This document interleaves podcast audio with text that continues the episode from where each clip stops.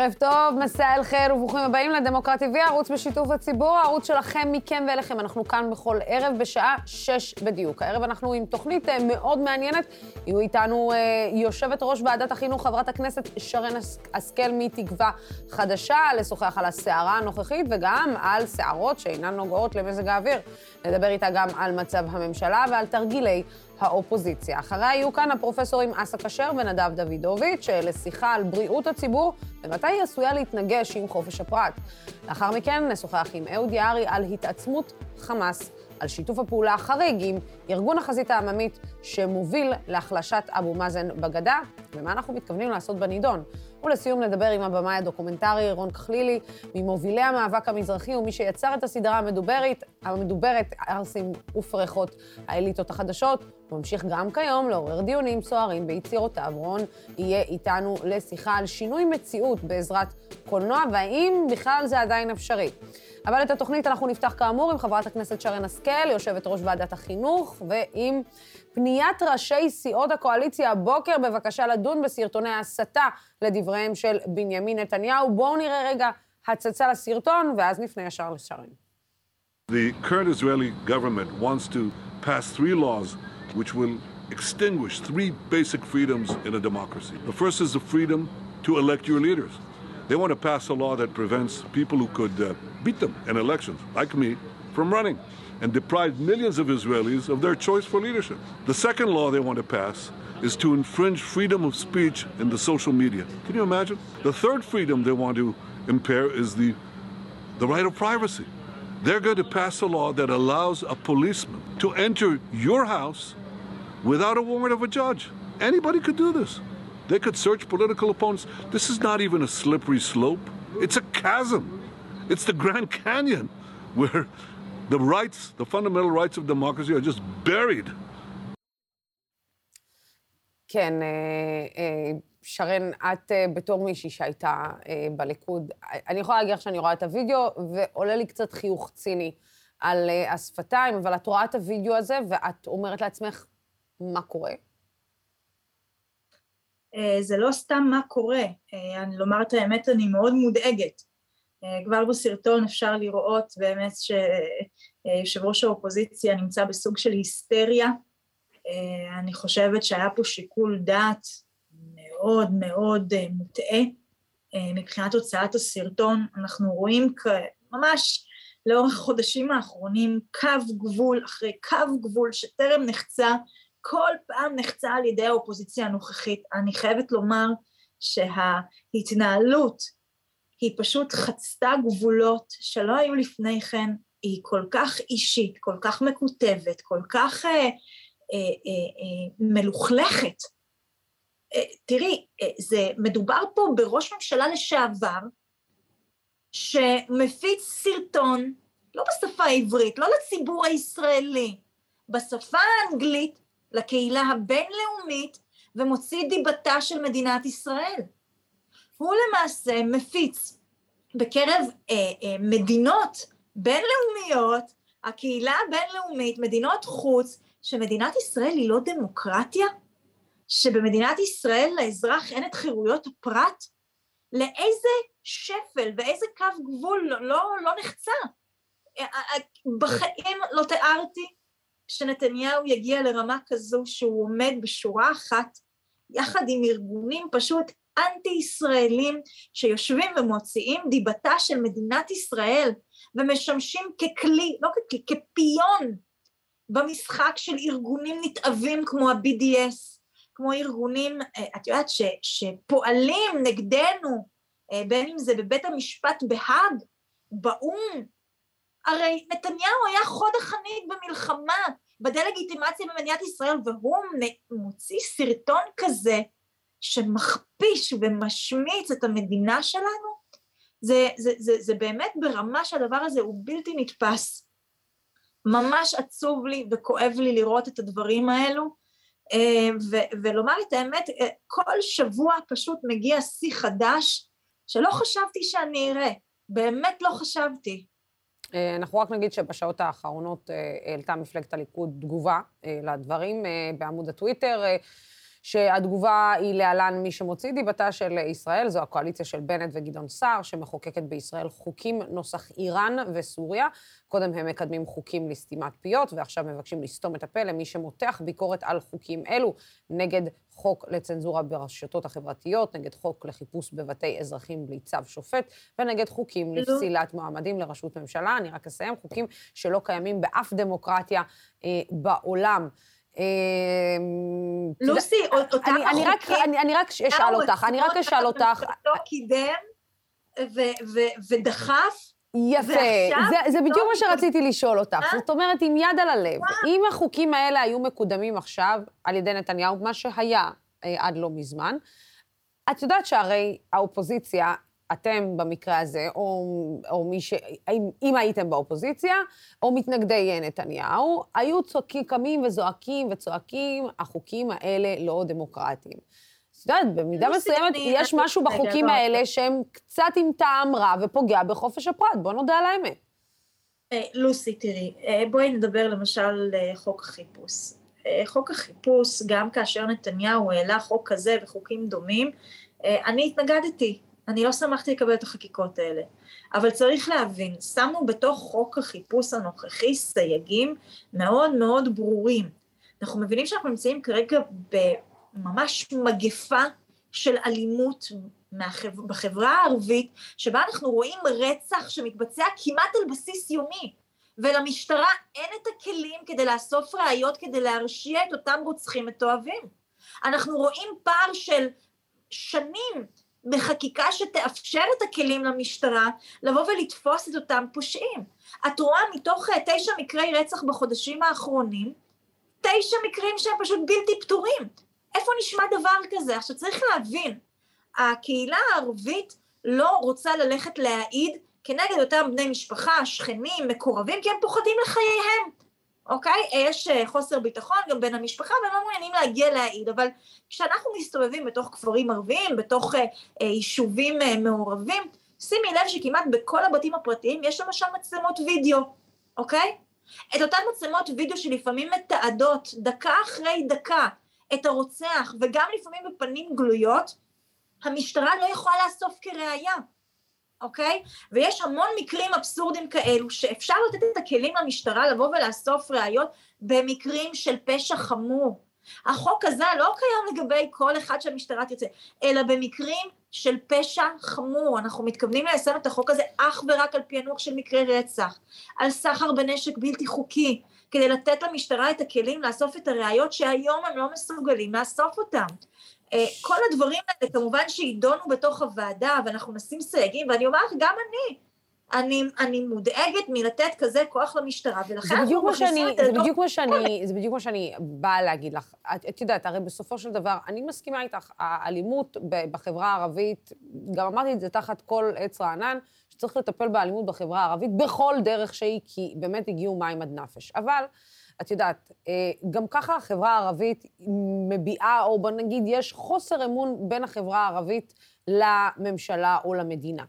להכניס עוד דבר כזה ועוד אה, אה, חוק כזה, שבעצם איכשהו, בואי נודה על האמת, מתורגת לחברה מסוימת, זה, זה רק, את יודעת, זה רק פתח לעוד חוסר אמון שיש בין, גם ככה בין האזרחים לבין המדינה. ויותר מזה אני אגיד, את יודעת, אה, בסוף השאלה היא למה לא לתגבר את הממשלה, את המשטרה, סליחה, למה לא להכשיר את השוטרים? איך זה באמת יכול להיות שבמשך כל השנים האלה המשטרה לא הצליחה לפענח מקרי רצח? אני לא צריכה להגיד לך שאם היה אז... מדובר ב... את יודעת מה, בעשרה מקרי רצח בגוש דן, את יודעת ואני יודעת שהמשטרה מזמן הייתה מפענחת אותם. יש משהו שכאילו סוג של... יאללה, בסדר, זה קורה בחברה הערבית, אז הכל טוב. אז לוסי, אני אומרת את זה בצער רב, אני אמרתי את זה גם לפני כן. יש אה, פער של מספר שנים בטיפול, הייתה הזנחה, הזנחה פושעת, שהביאה להידרדרות ולמצב שבו אנחנו נמצאים היום. הרי אתה יכול לטמון את הראש בחול כמה שאתה רוצה, אבל הבעיה לא תיעלם, היא רק תתגבר. בטח כשמדובר על, על, על, על, על דבר כזה, על, על מקרים פליליים, על משפחות פשע, על סחר בנשק בלתי חוקי, על רצח, הרי, הרי ברור שזה יגיע לכדי בלון שיתפוצץ. עכשיו, בסדר, אז הזניחו במשך שנים, לא נתנו למשטרה, לא נתנו למערכת המשפט את הכלים. אני מדברת איתם על בסיס שבועי, והם אומרים לי פעם אחר פעם, אין לנו את הכלים להתמודד עם המגפה הזו, תנו לנו אותם. אנחנו רוצים, גם בבתי המשפט, כשאנחנו הכנסנו אה, אה, עונשי מינימום על החזקת נשק בלתי חוקי, על סחר בנשק בלתי חוקי, הרי מערכת המשפט לא ששה, היא לא שמחה מהדברים האלה, אבל הם מבינים שזה חלק מהכלים כדי לייצר הרתעה אצל אנשים שמחזיקים נשק בלתי חוקי, שהעונשים שהיו עד היום היו עונשים שלא הרתיעו. ובכל לא זאת, את יודעת, אני שואלת את עצמי, אה, חברת הכנסת אה, השכל, אם החוק הזה נופל לידיים הלא נכונות, או לאנשים לא נכונים, או, את יודעת, אה, אני לא אתבייש להגיד, אם לצורך העניין אתם תרדו מהשלטון, ומישהו, ואתם מעבירים את החוק הזה, ומישהו כמו סמוטריץ' מקבל את המשרד הזה, ווואלה, אני אגיד לך מה אני אגיד לך, כשהחוק הזה יהיה אה, בראשות מישהו כמו סמוטריץ' או בן גביר, אני לא יודעת אם אפשר לישון עם אה, אה, קצת יותר אה, שקטים מאשר שכשאולי אתם מעבירים אותו. גם צריך לחשוב, את יודעת, על העתיד, אתם לא כל הזמן תהיו בשלטון. בשביל זה, אז, אז גם בשביל זה יש לא מעט סייגים שניתן להכניס כדי לאזן, החל בעניין של הוראת שעה, אה, שמדובר פה על מספר שנים כדי לתת למערכת את הכלים להתמודד עם זה, חלה במה שקבענו שהוא למעשה אך ורק במקרים של פשע חמור, ולכן השוטר צריך להוכיח שהיה מדובר בפשע חמור, לא באיזה מישהו שעבר איזושהי עבירה, לא יודעת מה, אה, אה, והחליט להתעלל בו. מדובר פה בשוטרים שיהיו מחויבים לצלם את, אותו, את אותה כניסה מההתחלה ועד הסוף, ויש עוד לא מעט אה, אה, חסמים, מעצורים ובלמים שאנחנו מכניסים פנימה, כדי לוודא שהכלי הזה ישתמשו בו לצורך איסוף ראיות במקרים, ש, מקרים קשים, כמו למשל של אה, אה, פשיעה, של אה, אה, פשיעה של סחר בנשק בלתי חוקי, של רצח, מקרים כאלו שנוכל למעשה אה, בוא נקרא לזה להחרים ציוד הקלטה והקלטות של תיעוד של הפשעים האלה, כדי שהמשטרה תוכל לפענח אותם ולהעמיד אותם לדין. אנחנו חייבים, חייבים לתת להם את הכלים כדי למצוא את העבריינים האלה ולהעמיד אותם לדין. אחרת, אין יכולת להרתיע אותם. אני רוצה אה, רגע שנייה לעבור לנושא הבא. אה, חברת הכנסת אה, שירלי פינטו עוררה השבוע סערה, איך נגיד שלא באשמתה, לאחר שהאופוזיציה סירבה להתקזז איתה, שבוע בלבד אחרי שילדה את בנה השני. כרם, שרן, את תמכת בשירלי לא רק כחברה לקואליציה וברשתות החברתיות, אלא גם מעל בימת המליאה. בואי נזכר. כאשר אני הייתי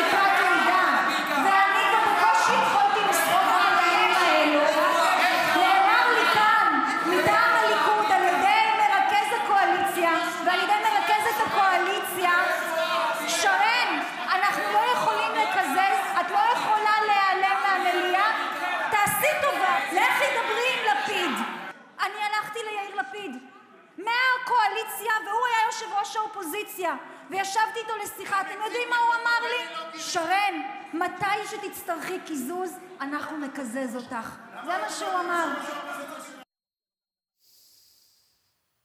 אמ, את יודעת, אני שואלת את עצמי, הסיטואציה לא פשוטה, ראינו את זה גם בימי האבל אה, של אה, חבר אה, הכנסת, גם ממפלגתך, ואת יודעת, אני, אני, זה הסיטואציה אחרת, אבל זאת באמת סיטואציה של להביא אישה שישה ימים אה, אחרי לידה, זה לא פשוט. את גם מכירה את זה. אבל אני שואלת את עצמי, הרי אתם לא באמת הייתם צריכים שהיא תגיע, בואו נודה על האמת. לוסי, בואי, בואי נבהיר משהו אחד.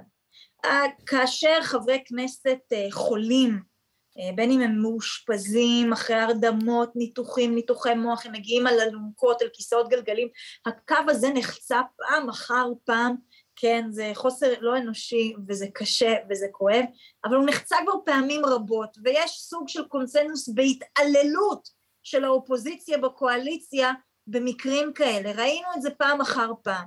אגב, גם כאשר יש, אה, אה, יושבים שבעה כבר ראינו לא פעם שהאופוזיציה מתעללת, בין אם זה היה אה, יהודה גליק ומאיר יצחק הלוי, אה, שהאופוזיציה פשוט מתעללת אה, בקואליציה, זה לא קו גבול שנחצה, כאילו זה קווי גבול שכבר נחצו פעם אחר פעם גם בכנסות קודמות, אבל העניין ההומני הזה של אישה לאחר לידה, שכן, אפשר נגיד לגרור אותה, כמו שגוררים אדם עם אלונקה, אבל, אבל בסופו של דבר הקו גבול הזה מעולם לא נחצה, תמיד הייתה את האנושיות הזו בין אופוזיציה לקואליציה לקזז את אותה אישה שהייתה לאחר לידה.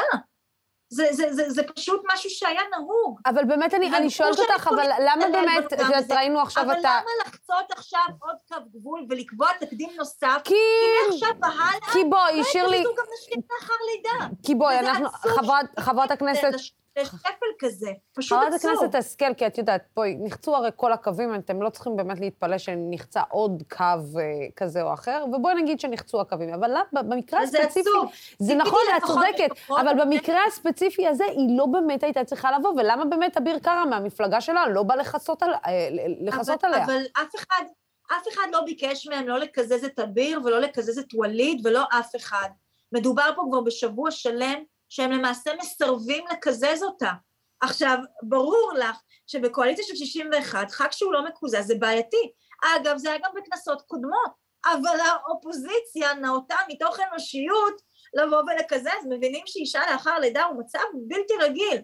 ואף אחד לא ביקש מהם לקזז את אביר קארה או מישהו אחר, ביקשו מהם קיזוז מול שירלי פינטו, ועצוב לי שאפילו אישה אחת משורות האופוזיציה לא קמה ואמרה, חבר'ה, זה קו גבול שאנחנו לא נחצה, משום שהוא יקבע תקדים עתידי, והאופוזיציה העתידית לא תקזז יותר נשים לאחר לידה.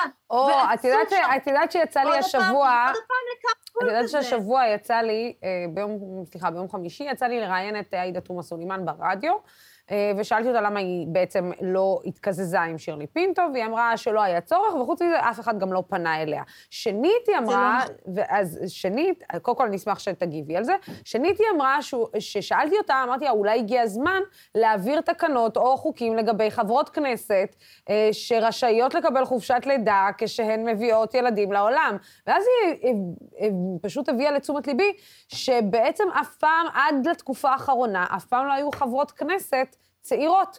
אה, ועכשיו יש חברות כנסת צעירות, וכנראה שזה מצריך שינוי חוקתי. אה, בתוך אה, הכנסת. זה לא משהו שחשבו עליו, זה לא משהו שהיה בכלל נתון לדיון, ועכשיו זה כן נתון לדיון. אז אולי אתן צריכות להרים את הכפפה, ובעצם להביא למצב שחברות כנסת יכולות לצאת לחופשת לידה, זה בסדר.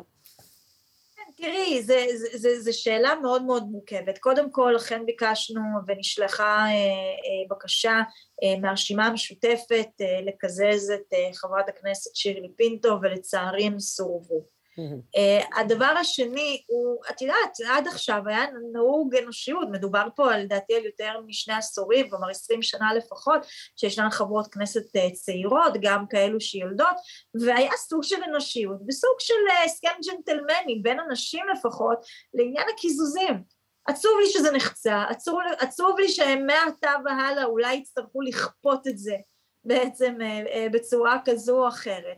אני לא יודעת אם זה הדבר הנכון או לא, צריך לחשוב על זה לעומק משום שיש לזה משמעויות באמת נרחבות, אה, אבל זה, זה, זה באמת נושא מורכב, ואני, באמת הציפייה הייתה היא המינימום אנושיות, ולא לחצות את הקו גבול הזה, תחשבו, לא היה תחשבו צורך, על לא זה. היה באמת צורך בזה. תחשבו על זה, אני חושבת שחברת כנסת שלא יוצאת לחופשת לידה, אולי, אה, או לא, בגלל שלא נותנים לה במקום העבודה שלה, את יודעת, זה יכול גם להשפיע ולתת דוגמה למקומות עבודה שלא אה, מתנהלים כיאות אה, כלפי נשים שיוצאות אה, לחופשת לידה, אבל זה כבר נושא אחר. אה, לסיום, לגבי תקנות הקורונה והגבלת הקורונה, אנחנו באמת אה, אה, הולכים לעוד גל... של סגירה? אנחנו פנינו לסגר, או שאנחנו פשוט הולכים רק להגבלות כאלו ואחרות? אז נכון לעכשיו אנחנו הולכים רק לכיוון הגבלות כאלו ואחרות, המטרה היא למנוע התפשטות של האומיקרון, uh, המטרה היא לראות איך אנחנו מצמצמים בעצם את קצב ההידבקות, uh, ואיך אנחנו מדביקים ומגבירים את קצב החיסונים. Uh, למעשה ייכנסו בחלק מהמקומות התו הסגול, בחלק מהמקומות לעניין התו הירוק, גם כן, אנחנו צריכים לראות איך אנחנו מתמודדים כדי שמדינה שלמה לא תיכנס לסגר. ככל שתגיע אוכלוסייה ותתחסן במהירות גדולה יותר, ותחסן את עצמה, תחסן את ילדיה, ככה אנחנו נדע שאנחנו נהיה מוגנים יותר, בטוחים יותר, והמדינה תישאר כמובן פתוחה יותר. אה, תגובתך לגבי פיטורי אה, מנכ"ל משרד החינוך, את חושבת שזה היה צעד ראוי לעשותו? אני חושבת שמדינה שלמה נוכחה לדעת שלצערי אכן מנכ"ל משרד החינוך לא היה ראוי לאמון שניתן לו על ידי שרת החינוך. בסופו של דבר העבודה בין מנכ"ל לבין שר היא העבודה הכי צמודה והכי קרובה שיש וזו משרת אמון משום שהוא הזרוע הביצועית של השרה והוא מיישם את מדיניותה. לצערי אני חושבת שהיום מדינה שלמה מבינה את חוסר האמון ביניהם בטח כשהוא את יודעת אמר בצורה גלויה בפנים גלויות אם את מפטרת אותי יהיה פה ירי דו צדדי הוא השתמש בזה ולצערי אכן כך הוא נהג, הפיץ המון פייק ניוז ואת יודעת כל מיני דברים כאלו ואחרים בסופו של דבר הוא הוכיח שהוא באמת לא היה ראוי לאמון שהשרה נתנה בו. כן, חברת הכנסת שרן השכל, תודה רבה לך על הריאיון הזה, ודרך אגב, אני מקווה שאולי בעקבות כל הסופה הזאת שמשתוללת בחוץ, אולי תשימו אפילו יותר דגש על ענייני... קודם כל, תבואי אלינו מתישהו, אנחנו מחכים לך כאן. אנחנו נותנים פס כזה רק בגלל... כן. אבל אולי תשימו יותר דגש על ענייני סביבה, כי נראה לי שהעולם שלנו נותן לנו קצת איתותים שאנחנו קצת מתעללים יותר מדי, ואולי להפסיק להתעסק בשטויות ולהתחיל להתעסק בחיים שלנו, אשכרה, שכנראה אנחנו... מביאים אותם אני... לקצה, לקצה של הקצה. אני, אני ככה כן אומר שחלק מהסמכויות בוועדת החינוך, התרבות והספורט הם נושא צער בעלי חיים. וצריך להבין, יש קשר ישיר בין צריכה של מוצרים מן החי לבין נושא האקלים, ההתחממות, הזיהום ובכלל. זה הרבה יותר ממה שאנחנו נוסעים בתחבורה ומפעלים מזהמים, הוא נושא של מזון מן החי. אני יכולה לומר לך שממש בחודש הקרוב בשיתוף פעולה שר החקלאות אנחנו מקדמים תקנות כן. לעניין צער בעלי חיים בלולים ללא כלובים, בעופות, יש עוד שורה של דיונים שאני מקיימת בוועדת החינוך בנוגע למזון מן החי וצריכה של מזון מן הצומח ואני אשמח כמובן לעלות ולהתראיין ולשתף אתכם בדיונים שמתקיימים אצלי. אז אנחנו כמובן נביא אותך אה, בפעם הבאה שאנחנו כמובן דנים במשבר האקלים, שזה כמעט כל יום, אז אה, צפי פגיעה מאוד בקרוב. אה, חברת הכנסת שרן השכל, תודה רבה לך על השיחה הזאת. תודה רבה, לוסי. תודה. כן, ועכשיו לדבר, לדבר הבא, הגבלות הקורונה, התחלנו לדבר על זה עם חברת הכנסת, שוב כאן, ואומנם הקניונים עוד פתוחים, אבל ראש הממשלה מקווה לסגור את הגבולות האוויריים, וייתכן גם נגיע לסגר.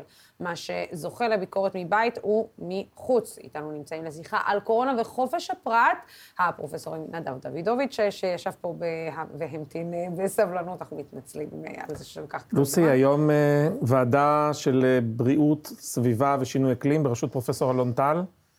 זו תת-ועדה חדשה של ועדת הבריאות, וכבר מבקשים ממשרד הבריאות להציג את התוכניות, הנושא של שינוי אקלים, שבאמת, כמו שחברת הכנסת שרן השכל אמרה, הנושא של מזון מן החי הוא מאוד קריטי. כן, אז גם בזה אנחנו עוסקים, אנשי בריאות הציבור. כן, להפחית לפחות, לאכול פחות בשר. יש תוכנית להפחית 50 אחוז עד 2030. 50 אחוז בצריכת בשר. ואני אגיד גם מנהל מנהל בית הספר לבריאות הציבור באוניברסיטת בן גוריון, זה הטייטל שלך, ואיתו פרופסור אסא כשר, חתן פרס ישראל, מחבר קודים אתיים וחבר מח"ץ מועצת החירום הציבורית למשבר הקורונה, ומי שהביע לא פעם תרעומת בכל הנוגע לתו הירוק ולהגבלות השונות. שלום גם לך. שלום. אז אנחנו, אני אתחיל איתכם בכל הנושא של, של ההגבלות שאנחנו חווים אותן ההרגשה היא בקרב הציבור, זה שפשוט אה, מנצלים את, ה, אה, אה, את המשבר הזה של, של הקורונה, או שמישהו מחליט שאוקיי, אנחנו במצב חירום, אנחנו החליטו שאנחנו במצב חירום, אני אנסח את זה כך, והדבר הזה עלול להידרדר בגלל שאנחנו במצב חירום, לכדי פגיעה מאוד מאוד מאוד קשה בזכויות הפרט שלנו, אם זה בניהול השיח שלנו על חיסונים, אם זה בניהול השיח שלנו על החיים שלנו ועל החלטות שאנחנו מקבלים על החיים שלנו, אם זה בהגבלות שלנו. אתה יודע, גם בעת מגפה דמוקרטיות צריכות לזכור שהן דמוקרטיות. לגמרי. כאיש בריאות ציבור וכמי שמלמד אתיקה של בריאות הציבור, זה אחת הסקרנות הכי גדולות, שבשם אה, בריאות הציבור אנחנו בסופו של דבר אה, נחצה את הגבול, נפעל בצורה לא מידתית. לצערי, לא חסרות דוגמאות, הנושא של איכוני השב"כ. אני, אה, כחלק מאיגוד רופאי בריאות הציבור, כתבנו חוות דעת לבג"ץ, וזה זעזע אותי ששוב עכשיו חזרו לזה, ואני שמח שלפחות זה בוטל מאוד מאוד מהר. אבל אני אומר מצד שני, שבעיניי זה לא הסיפור של הפרט מול המדינה רק. אה, בבריאות הציבור אנחנו מדברים גם על הקהילה. גם לקהילה יש אה, זכויות, ואני חושב שזו התרומה של אתיקה של בריאות הציבור, וכשאנחנו מדברים על חיסונים, בעיניי זו שאלה לא רק של הפרט אל מול המדינה, זה גם השאלה של מי שבוחר לא להתחסן, מה האחריות שלו אה, כלפי הקהילה. אני נגד כפייה של חיסונים, אני כן חושב שאפשר להפעיל כלים כאלה ואחרים של שכנוע. אני חושב שלצערי מהר מאוד אנחנו הולכים למקום של הכפייה, ובוודאי שבתו הירוק, שאני חושב שהוא כן כלי חשוב, הוא צריך להיות בשימוש במשורה, אה, עם הצדקה אפידמיולוגית של מרחב בטוח, ולא ככלי לשכנע אנשים, ולכן כל סיפור הקניון לטעמי היה פארסה, והקניונים לא צריך ללכת אה, לשם, אה, וצריך כל הזמן להיות עם היד על הדופק, אם אנחנו עושים בזה שימוש שהוא נכון. יש לנו מחקר עם פרופסור יעל גרוס מאוניברסיטת תל אביב על הזכויות בתקופת קורונה, זה הזכות לפרטיות, זה הזכות לתנועה. זה הזכות לחינוך, הזכות לבריאות אפילו, כי יש דברים שנמנעו מאנשים, אה, דברים שאינם הקורונה, וצריך להיות מאוד מאוד אה, זהירים ולפעול במידתיות. פרופסור אסא כשר, אתה שומע את הדברים האלה, אתה יודע, אתה, אתה ניסחת את הקוד האתי. זה, זה נראה שאתיקה, בוא נגיד, במחוזותינו נעלמה בתקופה האחרונה, אם אפשר להגיד את זה כך. יש כאן גם שאלות אתיות אה, וגם שאלות בקשר לצורה שבה מתנהלת דמוקרטיה. וצריך בואו להבחין בין, שתי, בין שני הסוגים האלה. יש פה שאלות אתיות, אנחנו לגמרי מחקנו את הרעיון הזה שמתן זריקת חיסון זה הליך רפואי. וכשאנחנו עושים הליכים רפואיים יש לנו אתיקה, עתיקת יומין בקשר לתנאים שצריך לעמוד בהם כשמבצעים הליך רפואי. אחד מהם זה צריך להיות אה, הסכמה, הסכמה מדעת של מי שמקבל את הטיפול במסגרת הזאת. איך מקבלים את ה... איך, איך מטפלים בי אם אני בא לרופא אה, כשאני צלול וכשיר ויש זמן לדבר איתי אז צריך אה, להסביר לי מה קורה, להסביר לי את הסיכונים, להסביר לי את האפשרויות, בסוף אני צריך להיות מרוצה מהאינפורמציה שנמסרה לי, אני אפילו אחתום על טופס של הסכמה ואז אפשר להתערב בחיים שלי. כשאני הלכתי להתחסן, הלכתי שלוש פעמים להתחסן, אה, אף אחד לא דיבר איתי על שום דבר, רק מצאו את השם שלי במחשב ואז אה, תקעו בי את המחט. כשאנחנו מסתכלים על הליך רפואי, היה צריך באיזושהי צורה, או צורה גלובלית, או צורה לוקאלית, או עם נייר, או עם איזושהי צורה אחרת, היה צריך לכבד את זה שאני בן אדם שצריך להסביר לו וצריך להגיד לו מה עושים וצריך לקבל את ההסכמה שלו. כל עניין ההסכמה ירד לפח. כאילו אין לנו שמץ, יש לנו הסכמה במובן הזה שאנחנו לא צדים אנשים ברחוב ומזריקים להם את, ה, את זריקת החיסון, הם באים להתחסן, וזה הם כאילו מבטאים איזה נכונות לעבור את זה. אבל נכונות זה לא מספיק כידוע, אני צריך, זה הסכמה עם מדעת, יש לנו לא consent אלא informed consent, וכל העניין הזה שצריך צריך להתייחס אליי בצורה ששומרת על כבוד האדם שלי, כלומר לתת לי הסברים, נימוקים, לתת לי להשתכנע ואז להסכים, כל זה לגמרי נמוג, זה בתחומי האתיקה. זה נראה לי הבעיה היותר קטנה. אבל פרופסור קשר, אה, סליחה שאני, אה, סליחה שאני אה, קוטעת את דבריך, אבל אתה יודע, מצד שני, יבואו, יגידו אנשים, יש לי גם זכות לחיות, ואני רוצה את הזכות להיות בריא, ואם אני הולך ומתחסן, ואני מבין שאנחנו כרגע בשעת מגפה, אז אני מצפה שתהיה איזושהי ערבות הדדית, גם אתית או התנהגות אתית, גם של ערבות הדדית, שבה אנשים לא יסתובבו כשהם אה, מסכנים אותי או את בני משפחתי בהדבקה, למשל. כאילו, כל, כל הטיעון הזה שהוא מופיע לעיתים קרובות, הוא טיעון כל כך עמום, והוא כל כך רחוק מהמציאות. המציאות הרפואית והאפידמיולוגית לא כל מי שלא התחסן הוא אוטומטית מקור מתמיד לסיכון הזולת. כי הביטוי הזה של ראש הממשלה כשאמר זה כמו מחבל שיורה יורה סביב, זה פשוט אנלוגיה מופרכת ומעצבנת. אם ככה הוא חושב, אז הוא חושב על הדמוקרטיה ועלינו בצורה שהיא לא מתאימה לנו. אנחנו לא רואים כל בן אדם שהוא לא מחוסן כמי שיורה סביבותיו ואוטומטית מסכן. באחוז נמוך של המצבים הוא מסכן. וכשהוא מסכן בן אדם שהוא מחוסן, אז הבן אדם הזה מחוסן. אז לכן גם באחוז נמוך מאוד האדם הזה שמחוסן ייפגע. לכן אנחנו מדברים על אחוזים מאוד נמוכים, על סכנות מאוד נמוכות, אני לא מזלזל בהן, אני לא אומר שאפשר להתעלם מהן, אבל אי אפשר להתעסק בהן כאילו, כאילו יש פה איזה סכנות מיידיות, גדולות, חמורות, שצריך לנקוט באמצעים דרקוניים כדי להיערך מולן. צריך לדאוג באמת לאמצעים מידתיים, כמו שאמר נדב דודוביץ'. זה צריך להיות מידתי. מה זה מידתי? מידתי זה כמה דברים שאחד מהם אומר שזה לא יותר מדי. כאילו אפשר להשיג את המטרה באמצעים יותר רכים. אני ודאי זוכרת שבהתחלת הדרך היה איזה, היה איזה זיגזג כזה, כמה מותר לי לצאת מהבית בסגר, 500 מטר או 1,000 מטר? עכשיו אני רוצה לדעת, 500 זה היה הכרחי, אלף היה הכרחי, מישהו עשה פה איזה שיקולים של מידת ההכרחיות, אי אפשר... בוא, בוא נודה לאמת, גם מי בכלל, מי בכלל אכף את זה? לא, לא, לא היו שוטרים בכל רגע נתון, בכל מקום, ליד כל בית, אתה יודע, שבדקו את הדבר הזה. שרת התחבורה אמרה שאפשר לוותר על ענף התיירות. סליחה? אפשר לוותר על ענף התיירות? זה צעד הכרחי? אי אפשר בפחות? אי אפשר בצעדים פחות חמורים שפוגעים פחות בחופש העיסוק, בחופש התנועה, כן. אי אפשר להשיג אותם ההישגים בפחות, כאילו אין לנו בכלל כבוד לעניין הזה שצריך להראות לנו שההגבלה היא הכרחית. בנוסף על כך יש לנו כל השאלות של מאזן הנזק והתועלת. כאילו כמה תועלת אני מביא כשאני עושה משהו, כמה נזק אני גורם כן. כשאני עושה את זה. כשאנחנו מדברים על סגר, אנחנו, אה, מה, מה התועלת שהסגר מביא, מה הנזק שהוא גורם נניח לילדים שנשארים בבית. כשאנחנו מדברים על מסכות, אני, אני עוטה מסכה ובסגר אני לא יוצא מהבית, אני שומר על כל השנים, אבל מה, אני דורש שיתייחסו אליי כאל אזרח במדינה דמוקרטית.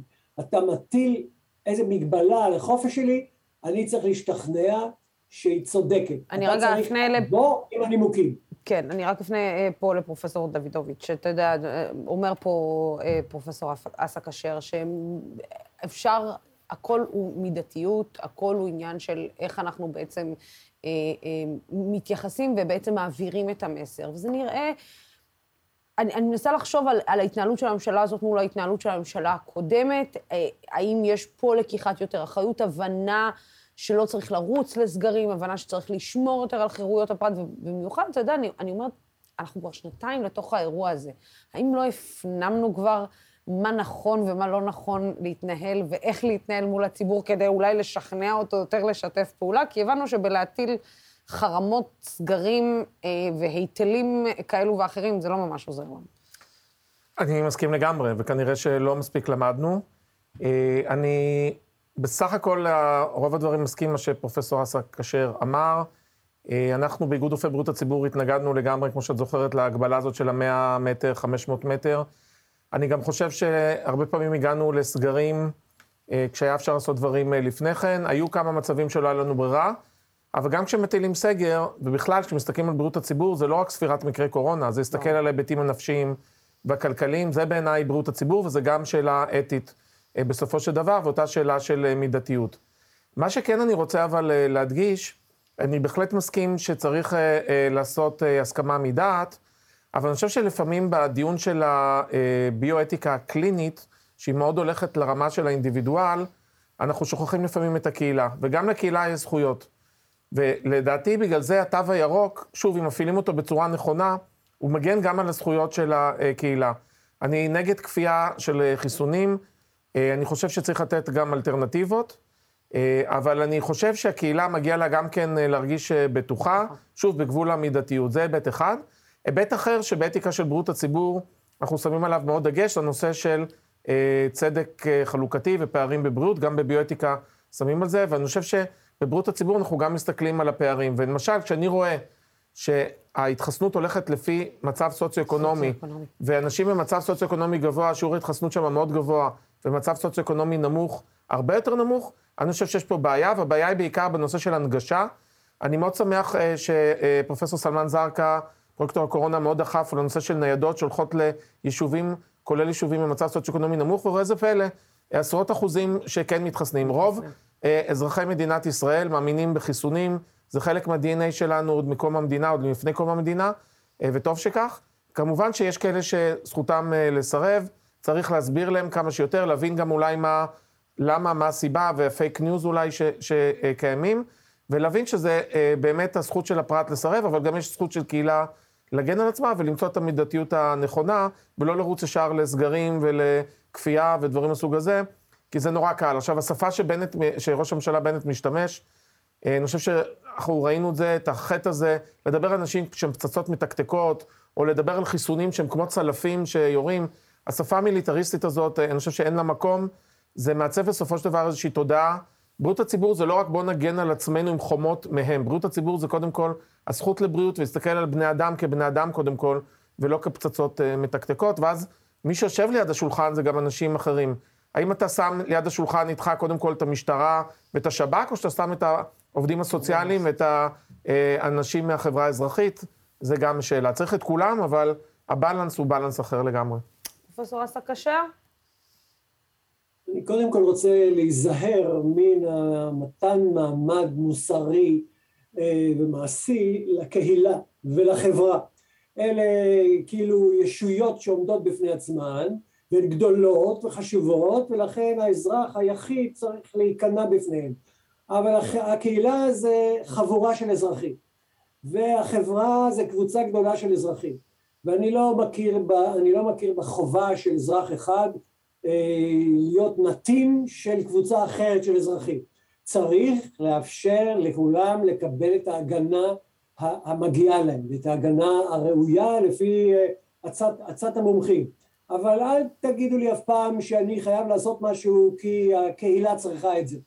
אני לא, אני לא עובד בקהילה ואני לא עובד של הקהילה ואני לא כפוף לקהילה, אני אזרח והקהילה זה עוד אלף אזרחים ש, שגם הם צריכים לקבל בדיוק מה שאני, ואני צריך לקבל בדיוק מה שהם. צריך, צריך לצאת, לצאת מהמקום הזה. אבל אני רוצה להצביע על עוד נקודה שלא התקרבנו אליה, אבל ככה באכסניה שאנחנו נמצאים בה. אתה יודע, אבל אני, אני פרופסור, אה, פרופסור אה, כאשר, אתה יודע, בסוף אנחנו כן חלק מ...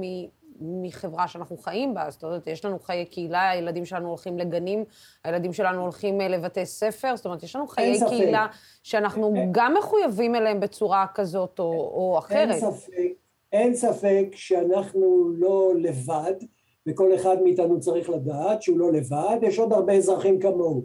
אבל אל תשימו מולי איזו ישות אה, פיקטיבית כזאת שנקראת הקהילה, וש, ושהיא חזקה וגדולה, ואני צריך להיכנע לה. הקהילה הזאת זה רק קבוצה מסוימת של אנשים, שאני צריך לקבל כל מה שהם מקבלים, והם צריכים לקבל כל מה שאני מקבל. צריך לעשות את הכל ברמת האנשים, בלי להלך אימים באמצעות קבוצות גדולות כאלה של, של קהילה וחברה. רציתי להגיד עוד משהו. אתה רוצה להגיב? אני רק אתן להגיב, מכיוון שהדברים היו התגובה על אה, דברים אה, שנאמרו, אני רק אתן כאן אה, גם... היות שגם למדתי פילוסופיה וגם למדתי אצל...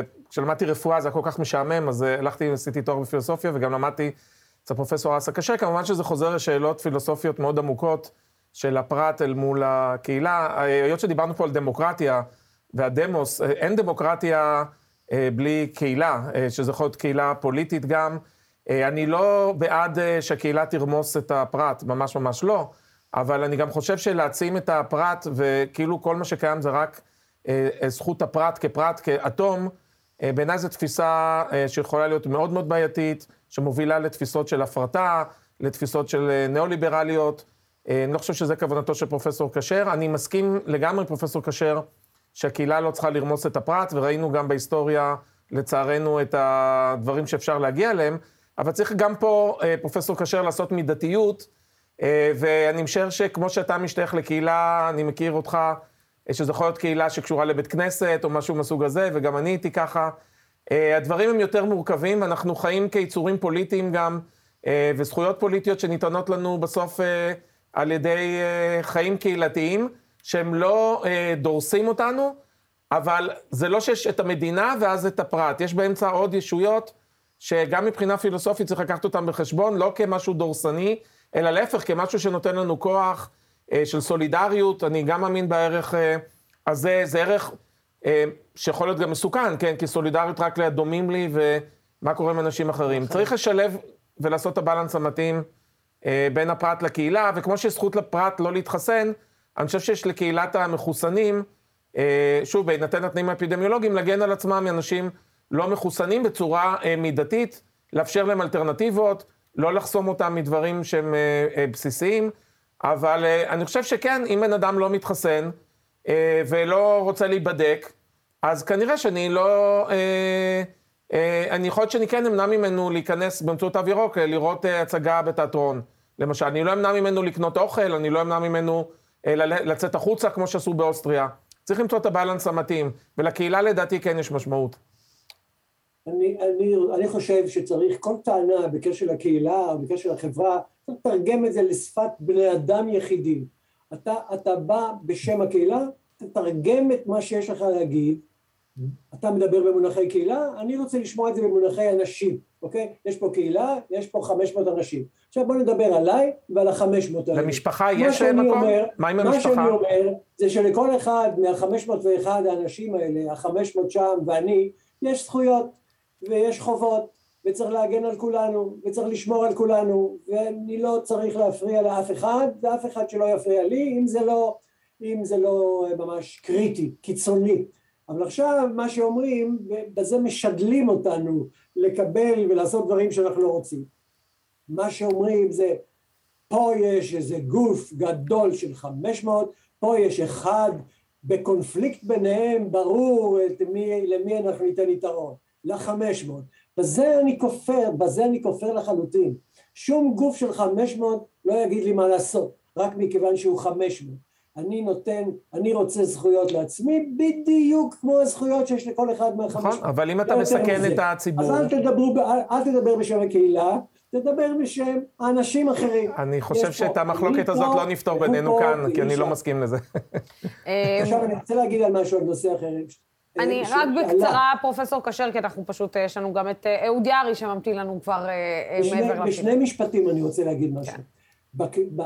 בכניסה לישראל הוטל איסור על, או עומד להיות מוטל איסור על אנשים שמגיעים מחוץ לארץ, אבל יש חריג, והחריג הוא הנוער הזה בפרויקט תגלית, שבא לטייל ברחובות, אה, ברחובות המדינה.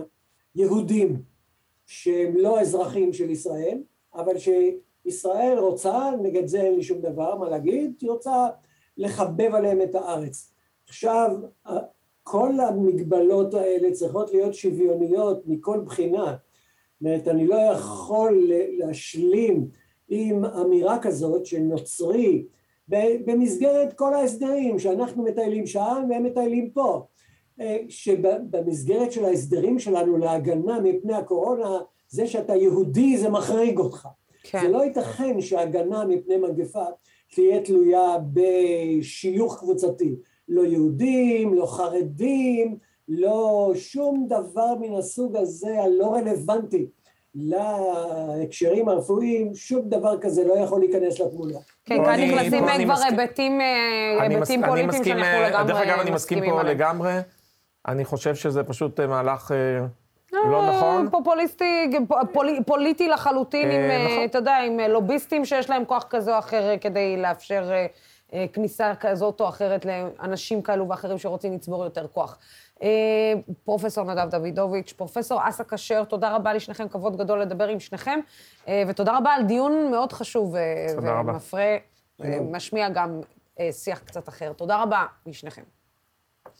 עכשיו אנחנו אה, במעבר חד לשיח על שכנינו ועל ברית חמאס, החזית העממית הנרקמת שמאיימת על אבו מאזן ועל הרשות הפלסטינית, וגם אה, עלינו, איתנו נמצא פרשן לענייני ערבים של חברת החדשות, אה, אהוד יערי, שלום, שלום לך. מרחבה. שלום לך, לוסי. אז uh, אתה יודע, במשך שנים, uh, לפחות בשנים האחרונות, דיברנו על החלשתו של אבו מאזן ואיך בסופו של דבר, הדבר הזה איכשהו יחזור אלינו כבומרנג, ולאט לאט אנחנו מתחילים להרגיש את זה, במיוחד, בוא נגיד, ב, ב, בגלים האחרונים של הטרור, או בהתחממות השטח, שבכל פעם מבעבעת ונרגעת. אבו מאזן כבר לא אותו אחד שמסוגל לשלוט על השטח כמו שהוא שלט בעבר. אני חושב שלוסי, שאבו מאזן והפת"ח איבדו את הדרך, אה, כי מצד אחד הם דוחים את אה, אה, אפיק הטרור, או את דרכו של ערפאת במובנים רבים, ומצד שני הם לא הצליחו להביא את עצמם לידי יכולת להגיע להסכמים ולו חלקיים, זמניים, עם מדינת ישראל, ונוצר פה חלל שלתוכו נכנסים אה, כוחות אחרים. אין היום לאבו מאזן, לפת"ח, משהו שהם יכולים להציע לדור הצעיר, נאמר בגדה המערבית, ולומר להם, הנה זה הכיוון, זה התמרור, שם המגדלור. זה לא קיים. ואז אה, כוחות כמו אה, הפנסיונרים של הטרור מהחזית העממית, עם אותם צעירים שנסחפים אחריהם אף על פי שהם כבר לא מרקסיסטים ממש, אה, באים ומציעים אלטרנטיבה. בואו נחבור אנחנו לאסלאמיסטים, לחמאס, וביחד נייצר איזה נוסחה חדשה. זה על הפרק. אהוד, זה, זה לא מחזיר אותך קצת אה, ל-2004, בחירות אה, ברשות הפלסטינית, שבה פתאום כל העולם הוכה בהלם על כך שחמאס עלו לשלטון בצורה דמוקרטית? זאת אומרת, אנחנו לא רואים את התהליך הזה קורה אה, אל מול עינינו, שבו שוב אנחנו נראה קבוצות של טרור שמשתלטות על הגדה, אה, מה שהוביל גם בסוף אה, למצב שאנחנו רואים בעזה ולה, ולחזית הזאת שאנחנו מתמודדים מולה כבר שנים. אה, בעזה? יש פה שני דברים. הדבר הראשון, בחירות, אבו מאזן השתעשע ברעיון, אף על פי שכל מי שמסביבו וגם בישראל אמרו לו, זה לא רעיון טוב, אתה הולך לבחירות כשאין לך בעצם מה להציע, ולכן הוא ביטל את הבחירות ברגע האחרון. אני לא יודע להגיד לך שחמאס היה מנצח בבחירות, אני יודע להגיד לך שפתח היה מפסיד. יכול היה להפסיד לחבורה מאוד מגוונת ומנומרת אה, של יריבים. אה, והדבר השני הוא שמוכרחים אה, להגיע למצב שבו אה, ניתן לדבר אה, עם המנהיגות הפלסטינית גם על הדברים שאנחנו יודעים שאי אפשר לפתור אותם, אבל אולי אפשר להתקדם איתם. וזה מה שלא קורה. זהו, אה, זה בדיוק מה שאני אומרת, אתה יודע, אני, אני חוזרת ואומרת את זה כמעט בכל פעם מחדש שעולה הנושא הזה, אה, מאז הקמתה של הממשלה הזאת, אם, אתה יודע, בזמן שנתניהו אמר, אין לנו פרטנר, או אה, דיבר פעם, אי פעם, על שתי מדינות לשני עמים, אה, הממשלה הזאת פשוט אמרה, אנחנו לא מדברים, אנחנו לא מנהלים שיח בכלל. אה, לא שיש פרטנר, אין פרטנר, אנחנו כן, למרות שבני גנץ עשה איזשהו מעשה והלך ונפגש עם אבו מאזן, ועדיין אנחנו לא באמת פותרים את הסוגיה שגם גובה קורבנות וגם מתדפקת על הדלת שלנו בכל רגע נתון. תראי, אני אומר לך את דעתי, לא אגיד את דעתי לא על ביבי ולא על בנט ולא על גנץ. אני לא חושב שהגאולה תצא מהשיחות עם, אה, של שר הביטחון ברמאללה. ברור. אה, לא כך מטפלים בבעיה. אני חושב שיש פה שאלה עקרונית. האם אנחנו מוכנים ללכת למהלך שהוא הוגן ונדיב, אבל הוא חלקי. ולבוא לעולם, אין מה לבוא לאבו מאזן, כי הוא יגיד לא. לבוא לעולם, למדינות התורמות, שמפרנסות את הרשות הפלסטינית, שמהחודש הבא תתחיל לשלם משכורות רק בסדר גודל של 50 אחוזים במקרה הטוב, ויאמרו להם ככה, אנחנו מוכנים ללכת לסידור שבו קחו אתם 75-80 אחוז מהשטח, אה, מבחינתנו, ישראל, אני מאוד רוצה שזה ייקרא מדינה. אני רוצה להוריד את הכתם הזה של כיבוש מהשרוול, ומשם נתקדם הלאה בשיחות, אבל קודם כל נשנה את המציאות. לצערי, אה, אין קואליציה בישראל, לא זו הנוכחית, לא זו הקודמת, שמוכנה בכלל לשקול את האופציה הזאת, שהיא בעיניי היחידה שעומדת על הפרק. אתה יודע, אה, אה, אהוד, בעצם אנחנו, ממה שאתה אומר, אנחנו הולכים בצעדי ענק לקראת מדינה דו-לאומית. זאת אומרת, פתרון שתי המדינות הולך ומתרחק כל יום מחדש, גם במיוחד לאור האמירות אה, שגם ברשות הפלסטינית, שמבחינתם כבר מתחילים להתכונן למדינה דו-לאומית. זאת אומרת, החזון הזה כבר של שתי מדינות לשני עמים, גם לא קיים, בקרב, לא קיים בקרב הצעירים הפלסטינים, או הדור החדש הפלסטיני. את צודקת, הוא בסכנה, והמהלך שאבו מאזן מאיים לנקוט בו, הוא מהלך מאוד מורכב ומסוכן, כי הוא אומר, אם לא נגיע להסכם בחודשים הקרובים, אני אגיד שהבסיס לשתי מדינות לשני עמים זה לא גבולות 4 ביוני 67, אלא אה, גבולות החלוקה לפי החלטה 181 אה, של האו"ם מ-1947, שזה גבולות לגמרי אחרים, לא קבילים על אה, מדינת ישראל.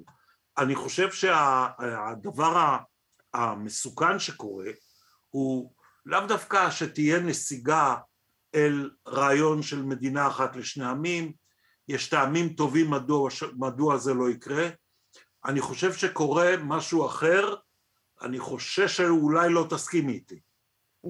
תלך על זה. אני לוקח את הסיכון. אני חושב שיש לנו היום, זה למדתי ממוריי ורבותיי ברמאללה, יש לנו היום בעצם חמישה עמים או חמש קהילות פלסטיניות, נפרדות, קשורות, אה, עם זיקה אחת לשנייה, אבל אחרות. אני סופרת, אני סופרת, אני סופרת שלוש, לא, ארבע, אני סופרת.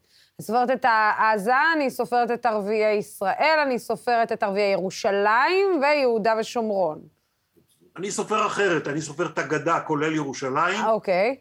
הפלסטינים בירדן, שהם ישות מיוחדת, ואז הפלסטינים האחרים שבפזורה. אה, אה, אבל הסכנה שהולכת, לא יודע אם זה סכנה, הכיוון שאני רואה הולך שבתוך חמש הקהילות האלה, בגלל שעזה אה, כלואה בתוך עצמה ורוכבת על הרקטות שלה והגדה המערבית נראית כמו שהיא נראית ובירדן הפלסטינים אומרים רגע אחד נסתכל סביב מוטב לנו עם המלך. לא אוהבים אותו אבל מוטב לנו. והפלסטינים בפזורה משהו אחר לגמרי לא ניכנס אליו. הכוח המוביל לאט לאט בתוך הרקמה המורכבת של העם הפלסטיני זה ערביי ישראל. שיש להם יכולות, שיש להם ייצוג, שותפות בקואליציה היום, אה, יכולת חופש ומרחב תמרון גדול שאין לאחרים, ולאט לאט מה שאני רואה, וכבר טעיתי בעבר, אני לא חושב שהפעם, אנחנו רואים את השרביט עובר, ומה שהם קוראים ערביי 48, אה, לוקחים את ההובלה. ואני חושב שהתהליך הזה... לוקחים את ההובלה, לוקחים את ההובלה לעבר מדינה דו-לאומית? לוקחים את ההובלה בעבר של ניהול ההתמודדות של הצד הפלסטיני עם ישראל, לאו דווקא מתוך עימות חזיתי מלא. אבל נדמה לי ש... תראי, תקחי, הזכרת את החזית העממית מקודם. אני מסתכל על החזית העממית שאני מכיר, לא עליי, מילדותי. כן. אני מנסה לשאול את עצמי, מי היום מנהיג החזית העממית? אין דבר כזה. אין, לא קיים. כן. אה, וכך בארגונים אחרים. תשאלי את עצמך, למחרת אבו מאזן, מי מנהיג הפת"ח? אין דבר כזה. אין דבר כזה. אה, וכולי וכולי וכולי. אתה יודע, ערביי ישראל, בגלל המצב המיוחד אה, שלהם... אני חושבת שיש מצב אחד שישראל לא הייתה רוצה להגיע אליו, וזה להגיע למרואן ברגותי בכלא, שיהיה מנהיג שיושב בכלא ישראלי, שינהיג את העם הפלסטיני, וזה אולי הדבר האחרון שמדינת ישראל רוצה להגיע אליו. אלא אם כן אנחנו מכוונים לשם. אבל אה, תראי, אני מכיר את מרואן היטב וגם ביקרתי אותו בכלא לא אחת. אה, מרואן לא יהיה המנהיג הבא. אה, המנ- המנהיג הבא לכאורה של הרשות הפלסטינית. חברו- לא הרשות, לא חברו של אבי... הפלסטיני. אה, אה, או או זה שנפגש עם אביגדור ליברמן לעיתים אה, קרובות. יש, אה, את דחלן. מתכוונת לחסיין? אני מתכוונת לדחלן בצורה כזאת או אחרת. אה, לא, דחלן, תאמיני לי, לוסי, אני אומר לך בידיעה אישית מהלירות, כמו שהיה פעם בחידונים, דחלן טוב לו בדובאי, הוא לא ממהר, באבו דאבי, הוא לא ממהר לשום מקום, עסקים טובים בסרביה ומונטנגרו, הוא שולח את אשתו, את ג'לילה, עם קצת סיוע לרצועת עזה, והוא משחק פוליטיקה, ויש לו כאילו איזה זרם משלו בתוך הפתח. האם הוא רוצה עכשיו לחזור לתוך העיסה הדביקה הזאת? לא. מי ש... מי ש... אה, אה, דחלן, ליברמן וכל החבר'ה האלה, זה מה שאני קורא חבילת וינה. והמבין יבין. אה, לא, אני חושב שמי שיירש את אבו מאזן, בסופו של דבר, זה אחד העסקנים הנוכחיים, הם יכולים להחליט שהם לוקחים עוד מישהו שהוא לקראת שנות ה-80, כמו מחמוד אל-עלול, או שמג'ד פראג' וחוסיין א-שייח והחבורה שלהם יחליטו שהם בוחרים בשם אחר, רק כדי לא להביא את ג'יבריל רג'וב. שמחכה ומצפה ומחכה ומצפה, וכנראה שגם זה לא יקרה בשבילו. אה, אז אתה יודע, בערבית אומרים, אתה יודע יותר טוב ממני, חליק עמן חוסק ליג'יקן חסמנו. אה, כנראה שעדיף שנישאר בינתיים עם אבו מאזן. אה, אהוד יערי, אה, תודה רבה רבה לך על השיחה הזאת. תודה רבה. שוכרן ג'זילה. תסלם. אה, ולסיום, קצת תרבות. נמצא איתנו יוצר מוערך ורב פעלים, שסרטיו זכו לא פעם להד גדול ויצרו שיח מאוד עמוק, שאפשר לומר שהוא אפילו משנה מציאות. שלום לבמאי, ולאחד ממובילי המחאה והמאבק המזרחי, רון כחלילי, שלום, שלום לך. שלום לוסי, שלומך? האם עדיין אפשר להמשיך ולהגיד שיצירות קולנוע יכולות לעורר שינוי? שינוי לא שיח כן. שיח אני כן. חושב שהפתיח שלך היה נכון. שינוי לא, לפעמים אני כזה קם אופטימי, ואז נדמה לי שיש בכוחו של הקולנוע כדי לעורר איזשהו שינוי, שאני מוציא לפעמים, כשיצא ערסים בפרחות למשל, לפני שמונה שנים בערך, תשמעי, זה היה, זה היה אש, זה, זה, זה מטורף. בוא נזכיר להם. זה מטורף. מה? בוא נזכיר להם רגע, כן. וואלה? מי ערסים לפרחות, כן. במדינת אשכנז השקט פורח, במדינת אשכנז מצפים לאורח, לא לשותף. רוחצים ידיים בסבון וגמז, נוגעים מרחוק לא תוקים כף. במדינת אשכנז אני אוכל חריף ובית חם. במדינת אשכנז אני מופלטה, אני חפלה, אני כבוד, אני עצלן. אני כל מה שלא היה פה פעם, כשהכל היה לבן. אני ההרס, החורבן, השד המזוין, העבריין עם הכיפה בבית המשפט. אני קברי צדיקים וקמעות, אני ארס. אני על הכפיים ומוסיקה זולה, תת-תרבות, תת-רמה. אני שורש עיקש וקוץ בתחת, אני שקרן. הרי, הרי הגזענות היא נחלת העבר ומתה מזמן.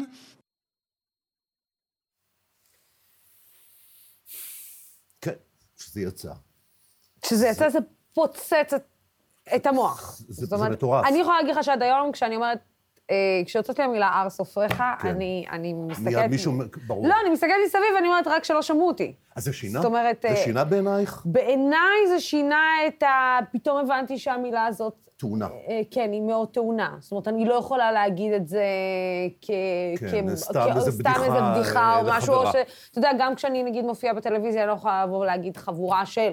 נכון. חבורה של. נכון. אי אפשר יותר נכון. להגיד את הדבר יפה, הזה. יפה, זאת אומרת, עשינו כן- reclaiming למושג. כן. כאילו שינינו אותו, נכון? לגמרי. אז כאילו זה סבבה, אני חושב שקולנוע יכול לייצר שיח, אפילו שיח ערני, בשוליים גם משנה מציאות, אבל האם לשנות את המציאות? תשמעי, אני 30 שנה בתקשורת, 30 שנה אני פחות או יותר, אני, אני, ציור, אני צייר של ציור אחד. אני, אני, אני כל הזמן עושה את אותו דבר, אני תוקף את זה מזוויות שונות, כי נדמה לי שזה הדבר המרכזי שמוביל את הישראליות, או שמעכב את הישראליות. ואני רוצה להגיד לך שהשאלות והתגובות שקיבלתי לפני 30 שנה זהות באופן כמעט הרמטי, אחד לאחד. עם התגובות שאני מקבל היום, 30 שנה אחרי. זאת אומרת שמה? אותו ש- דבר. אתה מזרחי מקצועי, ואתה מפזר שנאה, ואתה גוזר קופונים, ו... ואתה שונא אשכנזים, כמובן. כל הדבר הזה, לפני 30 שנה, זה אותו דבר. זאת אומרת שמה, אנחנו לא שינה? משתנים, אנחנו לא משתנים, אנחנו לא מעבירים שינוי לילדים לא, שלנו, אנחנו לא, לא יוצרים שיח לא, אחר עם הילדים לא, שלנו, לא, זה- לא, זה תסתכלי, נורא 30 מה שאתה אומר. 30 שנה אני בתוך אולפנים. 30 שנה אני נמצא באולפנים על תקן של הילד הרע, כאילו שבא להגיד משהו שאנחנו לא רוצים לשמוע. במקום לשבת ולדבר בעצם על פתרונות, על, על הפתרון של הבעיה, אנחנו מדברים האם יש בעיה. בכל 30 שנותיי באולפנים ובמערכות העיתונים וכולי וכולי, תמיד אני נשאל, תגיד, יש באמת בעיה מזרחית? אולי אתה ממציא את זה? מי החוקרים? איזה מתודה הם עבדו? תמיד יפקפקו גם במוסרי המסר, ואף פעם לא יגיעו לשלב הזה שבו אתה יושב מול הבעיה ואתה אומר, אוקיי, איך פותרים את זה? יש פערים בחינוך, מה עושים? יש פערים בבריאות, מה עושים? יש פערים יש בזה. מן, ה- יש מן הצביעות, אה, רון. אני יכולה להגיד לך שאני השבוע, למשל, הייתי בהרצאה בתיכון מאוד אה, נחשב פה במרכז הארץ, וישבתי, דיברתי, הביאו אותי לדבר על יחסי יהודים ערבים, כמובן, וגזענות ו... ו... ו... ובאיזשהו שלב עצרתי את ההרצאה ואמרתי, חברים, עזבו רגע ערבים ויהודים. בסדר, יש לכם מילה ערבית טעונה אצלכם, ערבים ויהודים אויבים וזה. תסתכלו רגע מסביבכם, ש... יש פה ילדים אתיופים בבית ספר הזה? היו מזרחים? היו מזרחים, אוקיי. אבל לא היו ילדים אתיופים. פתאום הם מסתכלים... היו ערבים? מסביב... לא. היה ילד ערבי אחד בכל בית הספר. בכל בית הספר אין ילד אתיופי או ילדה אתיופית אחת. ואני אומרת, איך זה יכול להיות שבבית ספר, במרכז הארץ... שבטח קורא ב- לעצמו שמאל. שלא, בבית ספר, כן, לא יודעת אם הוא. שמאל, ליברלי, כן, כן. כן. אה, אה, לאו- לא בתל אביב, אבל במרכז אוקיי. הארץ. אה, אין ילד אתיופי אחד. אחד. ואמרתי, רגע, הם בכלל לא מבינים על מה אני מדברת. הם לא מבינים מה זה, ש- כאילו, מבחינתם, מה, מה, על מה את מדברת? מה זה גזענות? מה תשמעי, זה... לפני שלוש שנים עשיתי סדרה שנקראת שנאת מוות, שבחנה את יחסם של היהודים לערבים, בתוך גבולות ישראל, פחות או יותר. תשמעי, זה, זה, זה, זה, זה, זה, זה, זה, זה קטע פסיכי. אתה, אתה... חלק מהמשחק, אותי. חלק. מהמשחק, תודה. חלק מהמשחק של המדינה היא להעלים אינפורמציה. בורות מייצרת גזענות. נכון. איך עכשיו, כדי להביא את הבורות הזאת, אתה צריך להפעיל את המנגנונים. ואז אתה הולך למערכת החינוך, בדיוק כמו שנתקלת בה- עכשיו. אתה מגיע למערכת החינוך, כל התלמידים שישבו לידך לא למדו במשך כל ימי חייהם, ימי חלדם, ימי בתי הספר שלהם, לא למדו מילה וחצי מילה על ערבים. מה זאת אומרת? לא. אני רק עכשיו נודע לי, דרך אגב, שהם לומדים שנה אחת אזרחות. את מבינה? עכשיו, גם באזרחות את לא תמצאי את הערבים. שנה אחת הם לומדים את לא תמצאי את אזרחות. הערבים. עכשיו, זה- זה- זה 20 אחוז מאוכלוסיית ישראל, את לא תמצאי מילה אחת על ערבים. עכשיו, אותו דבר, לא- אותו דבר גם על מזרחים. יושבים תלמידים של ישראל ושואלים ושואל את מערכת החינוך, עכשיו אני רואה בימים האחרונים האלימות הגואה והסמים ואלכוהול וכולי וכולי, ואולי תשאל את עצמך למה? אולי בית הספר לא מעניין אותם גם? אולי החומרים הנלמדים בבית הספר לא מדברים אליהם? אולי אם אנחנו לומדים על ניקולאי הראשון וניקולאי השני ומסעות הצלב בימי הביניים, זה נחמד וראוי, אגב- אבל אולי אם נלמד על עיראק ותימן נכון. ומצרים, אולי נהיה יותר. מחוברים למערכת החינוך. אגב, כששאלתי את הילדים, אה, שאלתם את עצמכם למה אין לכם אה, תלמידים אתיופים בבית הספר, אז הם הסתכלו אחד על השני, ואז הם הסתכלו על המורים שלהם, והמורים שלהם השפילו מבט. למה, המורים מנהל- אשמים? כי אה, מנהל בית הספר, אתה יודע, כאילו, למה אנחנו לא... מנהל בית הספר, אבל או- יגיד או- לך- יגיד לך ש- ש- שהתלמידים האתיופים פשוט לא לא לא- לא. באים. לא מגיעים. את מבינה? זה זה אה, הטיעון הרגיל. למה אין ערבים בבית הספר? כי הם לא באים. כן, הם לא, לא מגיעים, זה יותר, אה, זה יותר בדיוק, קל, לא בדיוק. שזה סוגר. אבל דרך אגב, אני, אני אשאל אותך גם על... אני, אני אזכיר לך שבתחילת שנה, אם אתה זוכר, היה, ממש בתחילת שנת הלימודים הזאת, היה בית ספר בדרום תל אביב, בשכונת התקווה, באזור שכונת התקווה, בכפר שלם, שלא הסכים לקבל ארבעה ילדים לכיתה א', בגלל שהם ילדי עובדי, עובדים זרים.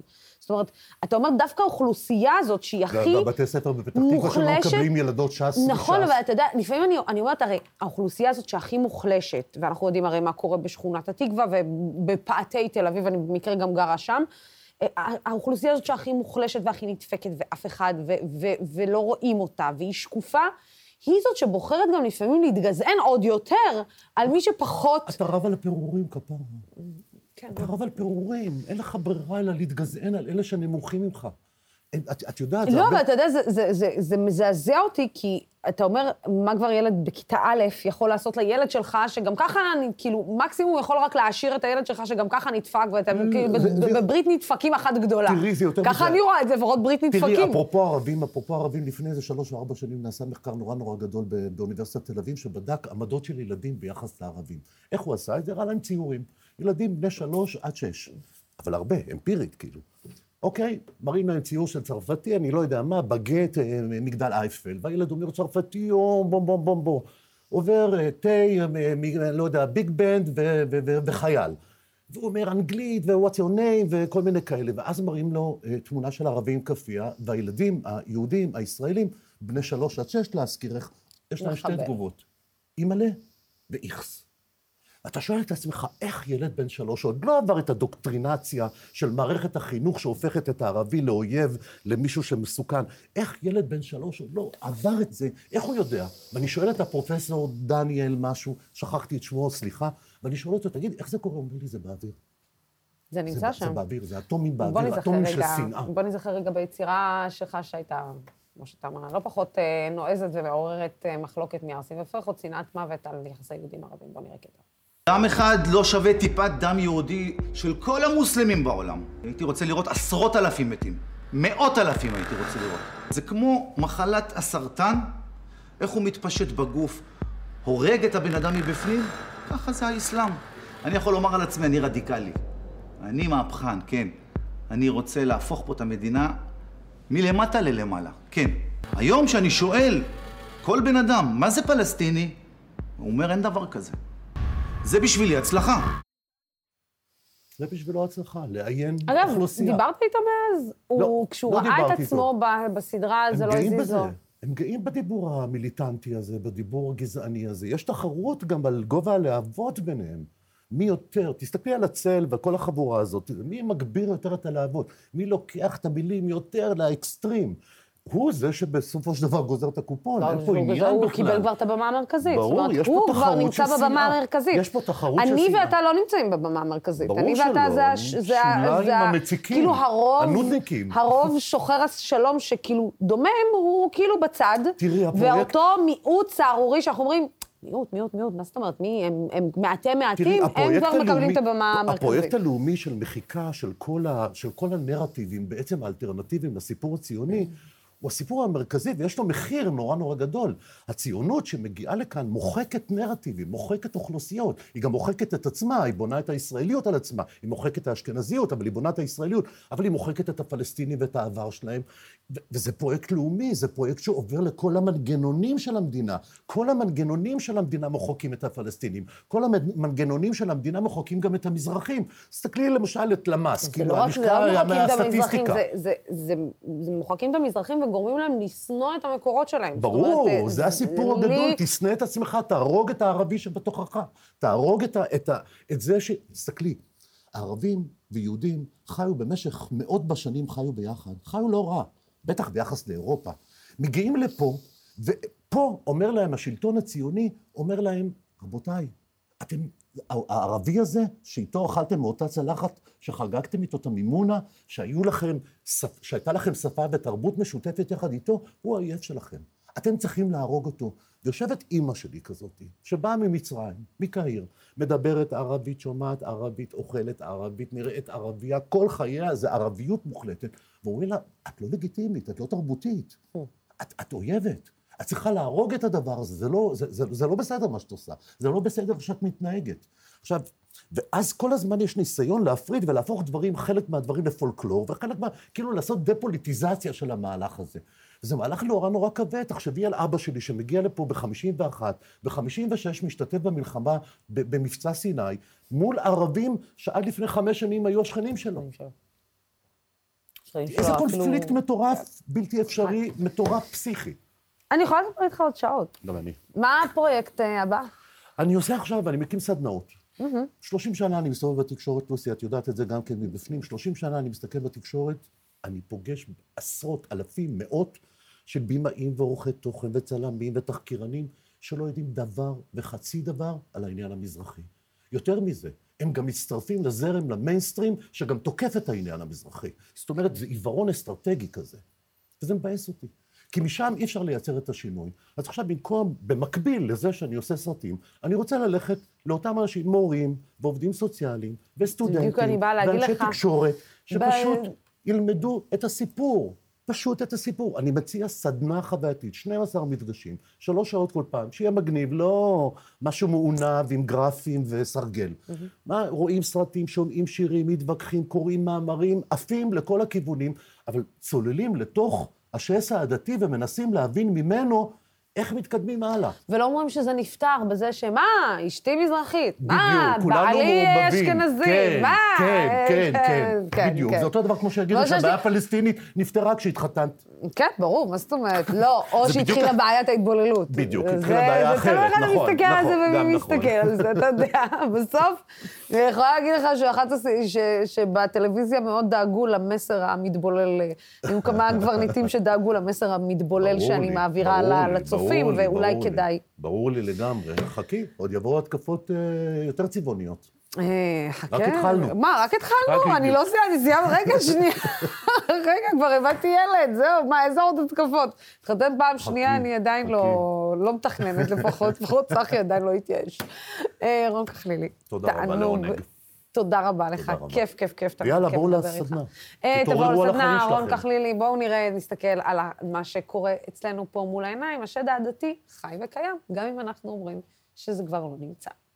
בינתיים אני אגיד לכם תודה רבה לצופים ולשותפים של דמוקרט TV. התוכנית הזאת אפשרית רק בזכותכם בימים כמו אלו הולכת ומתחדדת החשיבות של ערוץ תקשורת שלא מפחד להביע עמדה נחרצת בעד הדמוקרטיה ובעד שלטון החוק, בעד המאבק בשחיתות ובעד מגוון דעות המהדורה המרכזית של דמוקרט TV בימים ראשון עד חמישי בשעה שש אנחנו נהיה פה גם מחר עם משדר מיוחד של יחסי החוץ של ישראל.